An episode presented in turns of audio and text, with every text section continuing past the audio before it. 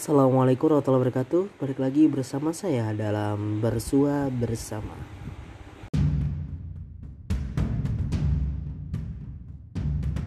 Di kehidupan dunia ini Pasti kita mengenal yang namanya penyakit. Penyakit ini pun ada banyak macamnya.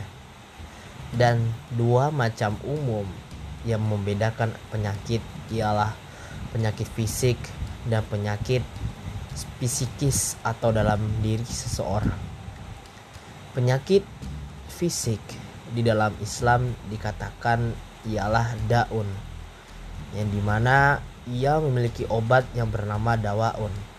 Maka dikatakan likul lidain dawaun. Bahwasanya setiap penyakit fisik itu pasti ada obatnya.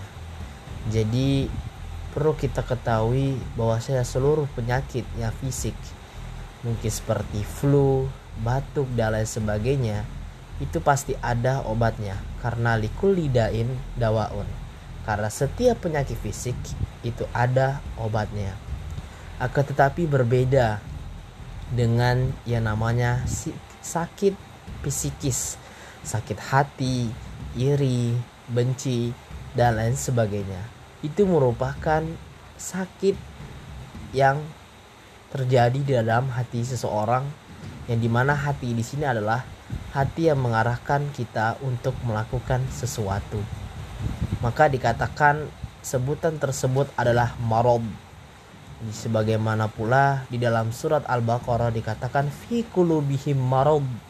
Bahwasanya di dalam hati orang-orang kafir itu ada ada penyakit hati yaitu marob maka obatnya dari marot itu sendiri adalah asyifa sebagaimana dikatakan dalam surat Fusilat ayat 40 ayat 44 Kul huwa lilladzina amanu hudaw wa shifa Katakanlah kepada orang-orang yang beriman bahwasanya Al-Qur'an itu adalah petunjuk dan penawar bagi kalian.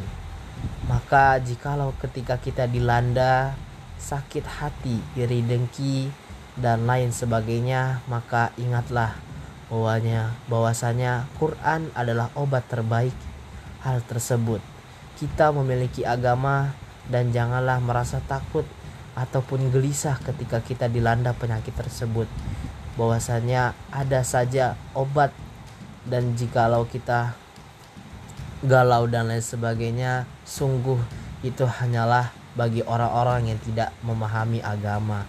Ia galau dengan keadaan yang telah diberikan oleh Allah Subhanahu wa taala.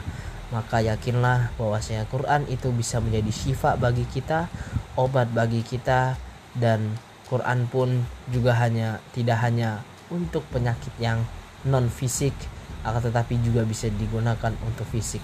Semoga bermanfaat dan sampai jumpa di episode selanjutnya.